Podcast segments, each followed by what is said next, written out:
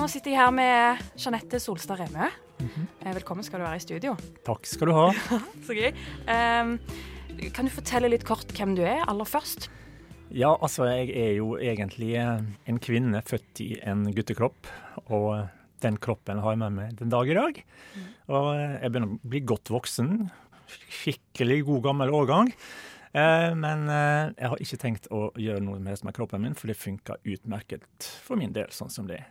Og så kaller jeg meg gjerne, ja, først og fremst så kaller jeg meg for menneske. Og dernest så kan jeg gå med på at jeg heter transkvinne, og for den del transseksuell òg, men da uten operasjon. Ja, det var kortversjonen, altså. Ja, det var veldig kort versjon. Det finnes jo drøssevis med artikler og saker om deg på internett. Og det er jo ikke så veldig rart, for du har jo en historie som er veldig viktig å fortelle. Ja, Ja. takk skal du ha for det. Jeg hadde lyst til å fortelle litt, sånn litt kort om barndom og oppvekst og dobbeltlivet, som jeg fikk inntrykk av at du levde. Ja, jeg levde dobbeltliv omtrent siden jeg ble født. Altså, jeg ble jo født med utovertid, så da fikk jeg da betegnelsen gutt, og ble døpt for Jon. Og sånn i tre-fireårsalderen så sa jeg fra at her var noe fundamentalt galt. For jeg er jo jente. Ser dere ikke det? Nei, det var ingen som så. Og det ble tommel ned, og eh, i det hele tatt så eh, ble det tatt veldig alvorlig av mine foreldre. Og gitt beskjed om at hvis dette fortsetter, så vil jeg få store problemer. Og familien ville få problemer, og vi ville bli stigmatisert og satt utafor. Jeg vokste jo opp i ei lita vestlandsbygd den gangen. Jeg Det heter Ulsteinvik og er by i dag, riktignok, men eh, det var 3000-4000 innbyggere på den tida. Når var dette cirka? Nå, nå, ja, det var på midten, midten av 50-tallet. Det sier jo litt om tiden også, ja. Ja. Eh, så måtte jeg da rett og slett eh, bare finne en løsning som funka for meg. Jeg sa nei, selvfølgelig skal aldri, aldri gjøre mer. Og så gikk jeg undercover, og så satte jeg i gang. Og så levde jeg et dobbeltliv. Spilte gutteroller. Overspilte selvfølgelig. For jeg måtte jo vise alle at jeg var gutt. Men det var mer og mer angstfullt etter hvert som tida gikk. Og det ble en ganske tøff eh, oppvekst. Og jeg var veldig lettantennelige og sånn sinna gutt. Og i hele tatt eh, ikke noe særlig likende type da, når jeg ser tilbake på meg sjøl og, og, og den perioden der. Men jeg hadde det tøft, og så fant jeg heldigvis noen smutthull. Jeg hadde ei kusine som, eh, når det var mulig, så eh, tyvlånte jeg hennes klær. Og da på en måte fikk litt følelse av at jeg, ja, jeg var jente likevel. Så ble jeg mer og mer modig. Sånn i 15-årsalderen så gikk jeg ut selvfølgelig midt på natta, og det var ikke noe lurt, for da ble jeg avslørt en gang av en litt eldre gutt. Og neste dag så hadde han selvfølgelig sagt og fortalt dette til alle i hele bygda. Altså jungeltelegrafen, du vet. Det, var ikke, det var ikke noe sånn eh, iPhone og den, den slags den gangen, der, men, men eh, det spredde seg like fort uansett. Eh, jeg var så fortvila da at nå regna jeg med det var slutt for min del i dette livet, så jeg eh, gjorde klar til å ta livet av meg. Da, det var natta, for jeg visste at han, om samme natta da, jeg visste at han kom til å fortelle det. Eh, og så sa jeg ja, jeg har ikke noe å tape på å ta en siste runde, en siste kamp. Og dagen etter var en søndag, og da gikk jeg på kino. Og da visste jeg at det, ja, kameratene mine og i hele tatt gjengen satt der. Og ble møtt med hånflir. Og så ja, Hva er det som skjer her, altså? Liksom. Da har de forberedt meg veldig grundig. Ja, ja, du ble sett i går uh, i, i dameklær. Hæ? Sett i dameklær? Nei, det må jo bare være tull. Da må det, jeg har hørt noe fra en eller annen som har vært på fyll, altså. Så ble det helt stilt. Og den satt, Da var jeg tøff nok altså, til å greie å stå imot akkurat den der. Og det var jo en utrolig lettelse, selvfølgelig. Men jeg regna med det gikk rykte i bygda. Men uh, jeg slapp unna. To år seinere flytta jeg til Ålesund og begynte på gymnas. Og jeg spilte i band. Det var jo også ei greie som eh, var veldig viktig for meg, å ha, ha den eh, ja, skal vi si, eh, det fristedet. da. Og tjente jo bra med penger, da, for vi spilte jo til dans eh, både lørdager og fredager og onsdager. Så det gikk jo litt utover skolearbeid og sånn, da, men jeg kom meg gjennom gymnaset på normert tid. Så eh, da tenkte jeg nei, jeg må ha en litt strammere ramme rundt meg. Eh, og så søkte jeg meg rett og slett inn på Sjøkrigsskolen. Ja, det funka greit, for så vidt. Det var litt eh, tøff disiplin og sånn, da, men eh, og så tenkte jeg at nå eh, ser jo alle at jeg er mann, at jeg er skikkelig mannfolk her. Så det var jo en del av det spillet mitt også, da, som bare fortsatte. Kom jeg gjennom kjøkkenskolen også på normert tid, og begynte i ubåtvåpenet, og etter fire år der så ble jeg sjef på en norsk undervannsbåt. Og så slutta jeg Forsvaret da i 82. Og så ble jeg los, statslos, og det har jeg jobba med i ettertid. Og det var jo veldig praktisk for meg, for der var det sånn at du jobber kanskje 14 dager, så har du to-tre uker fri. Statslos det er sånne som da navigerer båter ut f.eks. Oslofjorden, inn ut Oslofjorden. Oh, ja. Som, eh, som går om bord og tar de store tankbåtene og cruiseskipene og sånne ting. Så det var i korte trekk arbeidslivet mitt. Men det som var greia, var at jeg kunne jo ikke være offentlig på det. Ingen av de to, to jobbene der kunne gå offentlig ut og si at jeg var transperson, fordi Helsedirektoratet definerte den gang noe de kalte for transvestitisme som en mental sykdom. Og Jeg kunne ikke være mentalt syk av å være ubåtsjef eller statslos. Det var jo helt umulig. Men jeg var jo ikke mentalt syk. Jeg hadde bare fått tildelt feil kjønn i forhold til min opplevde, sjølopplevde kjønnsidentitet.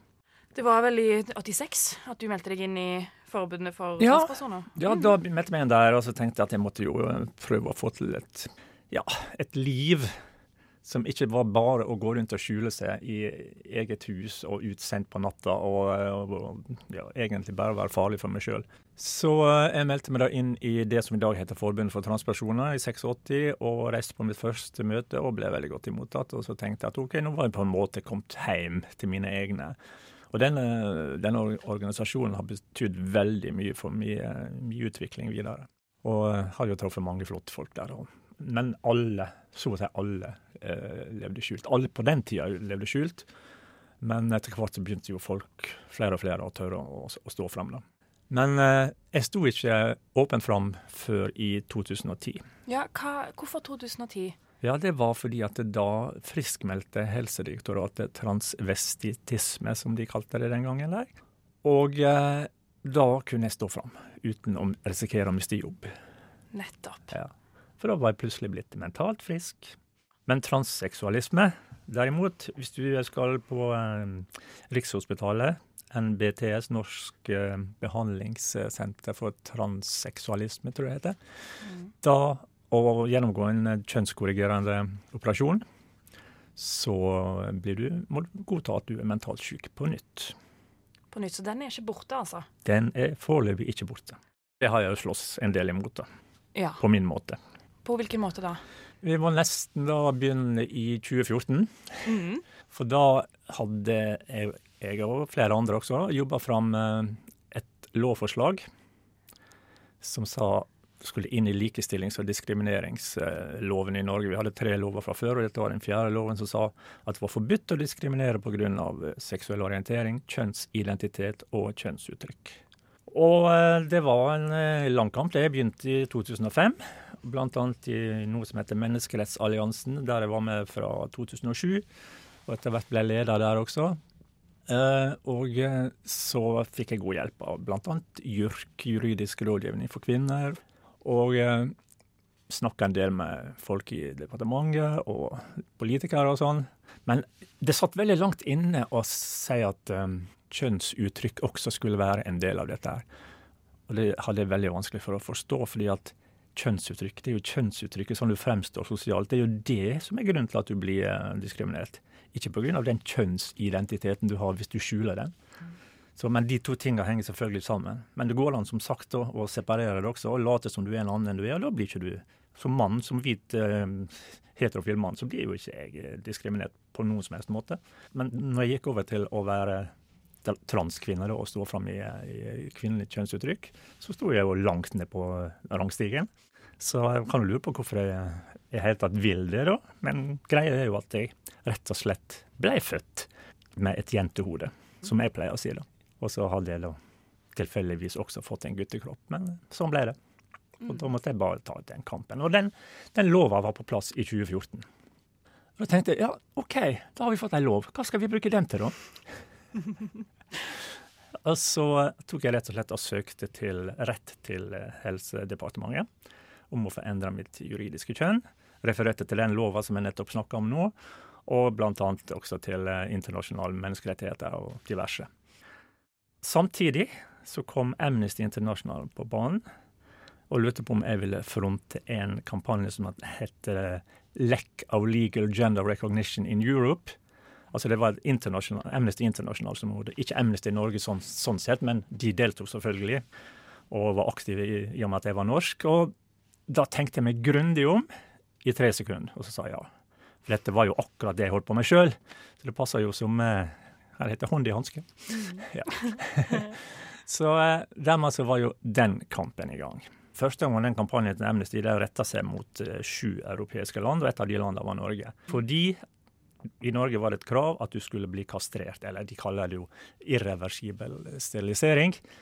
Men uh, det er det samme som kastrering, for å få endra juridisk kjønn. Og det er jo sånn jeg ser det, sånn som Amnesty ser det, og sånn som mange andre ser det, brudd på menneskerettighetene. Ja, for De har jo ikke noen funksjon, altså Hvorfor? De har ikke noen grunn for det? Ja, det ble jo iverksatt, denne, denne prosedyren her ble iverksatt på rundt 1970-tallet av leger, politikere, byråkrater, som en sånn departemental forvaltningspraksis, som de kalte det. Og grunnen var at sånne som meg ikke skulle få lov å reprodusere oss. De skulle nekte, få, de skulle nekte oss, sånn som meg, å få barn.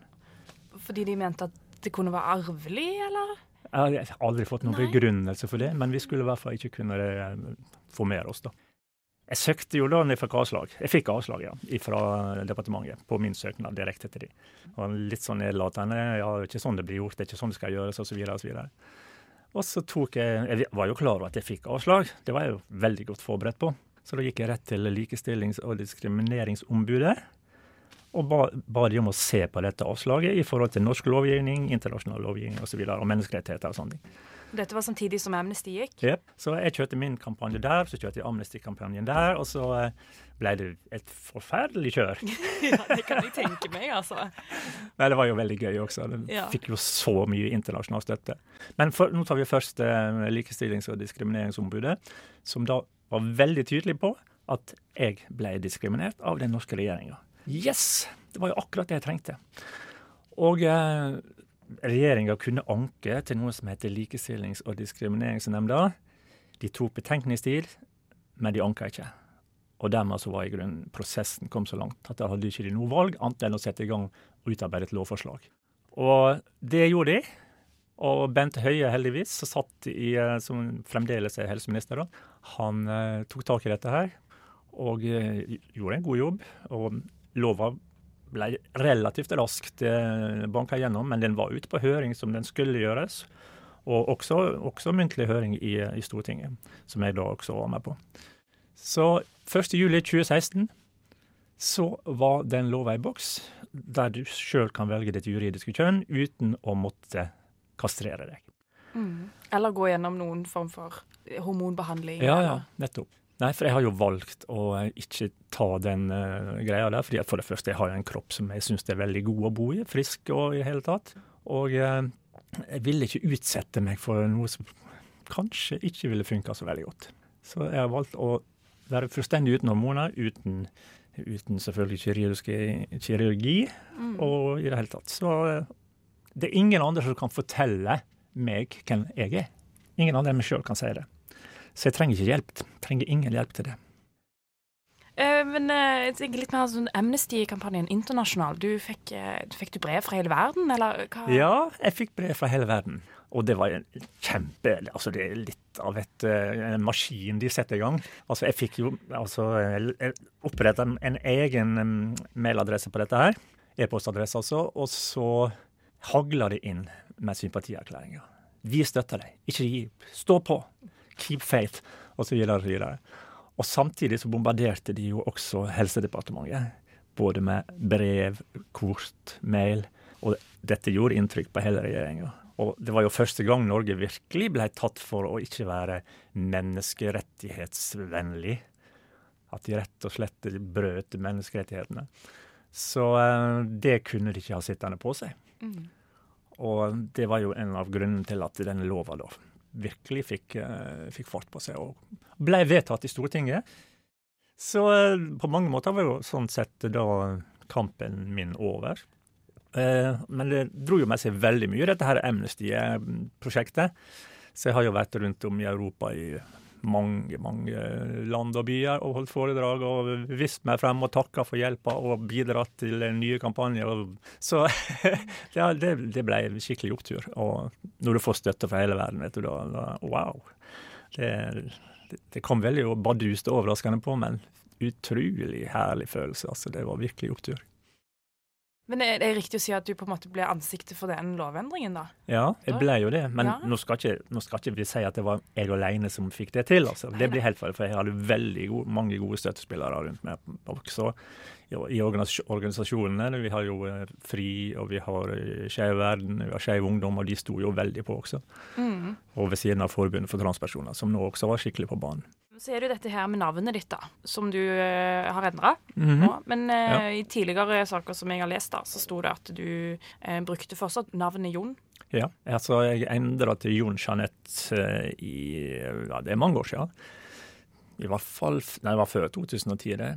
Det navnet måtte jeg nesten bruke også i den kampanjen, for da visste de at jeg var, at jeg var transperson. Det var helt tydelig. Og så etterkant, etter 1. juli, da når jeg endra mitt juridiske kjønn, til kvinne, så uh, eh, endra jeg også mitt første navn. Så nå heter jeg Jeanette. Men jeg henger på Jon også, for det, det, er såpass mye av min historie at jeg skal få lov å stå der, i hvert fall inntil videre. Hva slags utfordringer var det du støtte på da, da i hverdagen? og sånn som det? Ja, når jeg levde som kvinne med ID-papirer som visste at jeg var mann, ja. da var det veldig traurikt, for å si det sånn ofte. Eh, tenk bare at du skal inn på et apotek og ta ut en resept, så må du vise legg. Og så Oi, det, dette er jo ikke din, dette, dette, er ikke deg, liksom. Og sjekke inn på et hotell, ut og reise. Uh, hente en pakke på posten. Altså, altså, I det daglige. Du viser legg veldig mye oftere enn du egentlig tenker på. Stoppe en politikontroll, ikke sant, sånne ting. Så eh, det var utrolig slitsomt. Jeg måtte forklare så mange ganger. Jeg var jo drittlei av det, men etter hvert så ble jo de som jeg forklarte til, flauere enn det jeg var. For jeg, jeg ble bare vant til det. Ja, OK, sånn er det. Jeg er transperson, og sånn og sånn. Så, eh, men det var, det var, slitsomt lenge. Og dette sliter jo, eller sleit i hvert fall veldig mange med. Og det er sikkert noen som gjør det ennå, men nå er det jo ja, Siste tallet jeg hørte var rundt 700 som hadde i Norge som har endra sitt juridiske kjønn på ett og et halvt år. Og det er jo bare begynnelsen, da. Blir du herda? Blir ja. du sliten? Ja, du blir mentalt sterkere og sterkere hele tida. Men blir jo sliten også innimellom. Litt sånn oppgitt. og herregud, må jo holde på med dette resten av livet, liksom. tenker ja. man. Ja, så jeg er godt fornøyd med at jeg, jeg sto han av. ja, ikke sant. Så det har vært en fantastisk reise, da. Sånn sett, men det er klart jeg har brukt mye krefter og gått altfor lang tid. Det er ingen tvil om. Men nå, er det, nå har det roa seg, og nå er det ja, det står litt igjen ennå. Altså, det er jo noen da som ikke identifiserer seg verken som kvinne eller mann. De ønsker et tredje kjønnsalternativ for markering på ID-kvoter og den slags. Og det må jo komme, og det er jo politisk eh, grobunn for det i Norge nå ser det ut til. I hvert fall ungdomsorganisasjonen til alle politiske partiene, så vidt jeg vet, er for det. Og også en del eh, politiske partier, sånn som eh, Arbeiderpartiet, Venstre, Sosialistisk eh, Venstreparti og ja, sikkert eh, MDG også. og og Rødt. Så uh, dette vil nok bli ei greie som vi vil se mer og mer av. Ellers så uh, står det igjen litt i uh, straffeloven, paragrafene 185-186, for der er ikke diskrimineringsgrunnlagene kjønnsidentitet og kjønnsuttrykk tatt med ennå. Og de skal inn der, for det er de eneste to diskrimineringsgrunnlagene som står i likestillings- og diskrimineringslova, som ikke er med i straffelova. Så det er det som er de store kampene videre? Ja, i hvert fall det viktigste nå til å begynne med. Det er det ene. Så er det selvfølgelig da helsetilbudet for transpersoner, som er altfor dårlig. Fordi folk ikke vet hva en transperson er. Ikke i helsevesen, ikke i skolevesen, ikke i barnehager. Men det sier vi jo mer og mer inn, men det er ikke, det er ikke tatt med i noen sånn generell utdannelse. Eh, ikke legestudiet, ikke i, eh, i lærerstudiet osv. Så, videre, og så, videre. så eh, dette må på plass så for fort som bare mulig. Gjerne en ambulerende tjeneste som reiser rundt og underviser. ikke sant, Og ikke minst i seksualundervisning også. Ja, ja, ja klart det. Ja. For det, det, dette handler jo om holdninger. Om, altså, vi har jo et normativt samfunn, ikke sant? der normene gjelder. Også de som bryter normene, de blir da veldig fort uh, møtt med fordommer, stigmatisering. Så dette må bare inn, og folk må forstå at det er veldig, veldig samfunnsøkonomisk gunstig også. Og la alle minoriteter få lov å slippe til å være seg sjøl og jobbe i samfunnet istedenfor å bli satt på utsida. Vi vet jo at en, en skoleelev, en som ja, ikke fullfører videregående i dag, da, og ikke kommer seg i arbeid, koster stat, staten ti millioner. Én elev. Og så kan du bare begynne å gonge opp. Så blir det fort vanvittig store summer når vi driver og diskriminerer minoriteter i dette landet. Transvestitisme, transseksualisme og kjønnsinkongruens. Ja. Hva er forskjellen på de tre begrepene? Og du er jo sagt sjøl at du opplever deg som kjønnsinkongruent. Ja, det kan jeg godt si at det er. Men la vi ta det første. Transvestitisme. Der har vi det. det handler rett og slett om et gammelt uttrykk. Det faktisk ble oppfunnet av en, av en tysk lege i ja, 100 år siden. Så kom han på banen med dette her. Jeg husker ikke navnet hans akkurat da. Eh, kom på banen med dette uttrykket. Og da Vestitt, det er klær. Trans er på andre sida. Så, eh, så var, dermed så var det bare en måte å si at det er noen som kler seg som det andre kjønnet. At, at han trodde at det lå mest i klær. Men det er jo bare et uttrykk for den du er. Altså, det gikk jo veldig mange år før jeg visste at jeg var transvestitt. Jeg visste at jeg var jente, men jeg visste ikke at jeg var transvestitt før jeg ble ja, 10-12 år i hvert fall. Og da, da, leste jeg om det i et leksikon, og da fant jeg ut at det var en sykelig trang til å kle seg som det motsatte kjønn. Veldig oppmuntrende, da. Så, men det, jeg, jeg, visste jo at jeg ikke var Jeg var jo ikke sjuk. Jeg fungerte jo ja, skal vi si normalt. Det var jo dårlig, et dårlig uttrykk i denne sammenheng. Men det fungerte fint på alle, på alle områder ellers. Men eh, akkurat her så trodde kanskje at jeg var alene i hele verden en stund. så trodde jeg det. Før jeg fant ut at nei, det var faktisk mange som hadde det sånn. Det var transvestitismen. Og så dette her med transseksualisme. Det er mennesker da som ønsker, som regel i hvert fall, å endre sitt kjønn Gjerne da ved hjelp av hormonbehandling eh, og kirurgi. Eh, jeg definerer meg også som transseksuell, sånn sett, men har da valgt å bo i den kroppen som jeg har, og ikke gjøre noe med den. Og kjønnsinkongruens det er jo også det, for så vidt det samme som transseksualisme, men det går rett og slett på at du overhodet ikke finner rette i det kjønnsut, i det kjønnet du har fått tildelt i forhold til den kjønnsidentiteten du har. Nettopp. Men er det litt nyere begrep? eller? Det ja, det er, det er, ganske relativt nytt. Og det er vel mest brukt ja, i, i, terminologien til, til leger og sånn, men eh, det er mer og mer på, på vei inn i språket. Og, ja. Det forklarer for forstår litt. Og Så kan du godt også ta med noe som heter kjønnsambivalisme. Da, da er du litt sånn frem og tilbake, litt usikker. Kanskje kvinne en dag, mann en annen dag. og litt usikker. Men jeg er ikke helt sikker, liksom. Så dette, De to begrepene ble også brukt i en, i en EU-undersøkelse som kom i 2013. Så uh, dette ble uh, på en måte et offisielt ja, EU-språk da, også. Det, det, blir jo tatt mer og mer på alvor. Men en eh, må fremdeles i Norge den dag i dag få en diagnose, mentalt syk, og den heter F640 transseksualisme.